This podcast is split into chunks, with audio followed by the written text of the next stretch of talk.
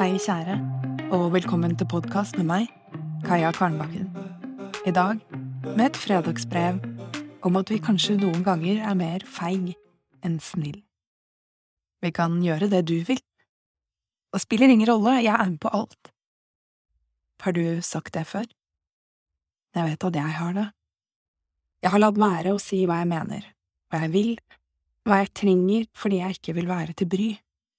Jeg har latt være å invitere, initiere fordi den andre kanskje ikke liker det jeg foreslår.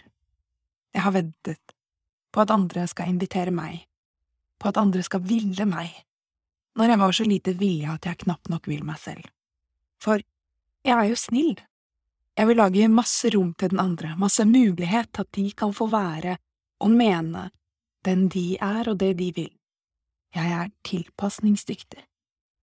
Men er jeg egentlig snill, eller er jeg bare feig og lat, som ikke bærer noe av vekta, som lar andre bære meg, ta alle avgjørelser, vise seg sårbare, fordi de sier hva de vil og mener, når jeg ikke tør å gjøre det. Og så, gjennom uker og år, vokser misnøyen fram, fordi vi alltid gjør det du vil, og aldri det jeg vil.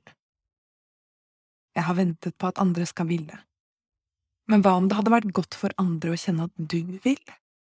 At du vil noe? At du vil dem? For hvis ikke risikerer vi alle bare å bli sittende her og vente. Hva vil du? Stor klem. Din Kaja.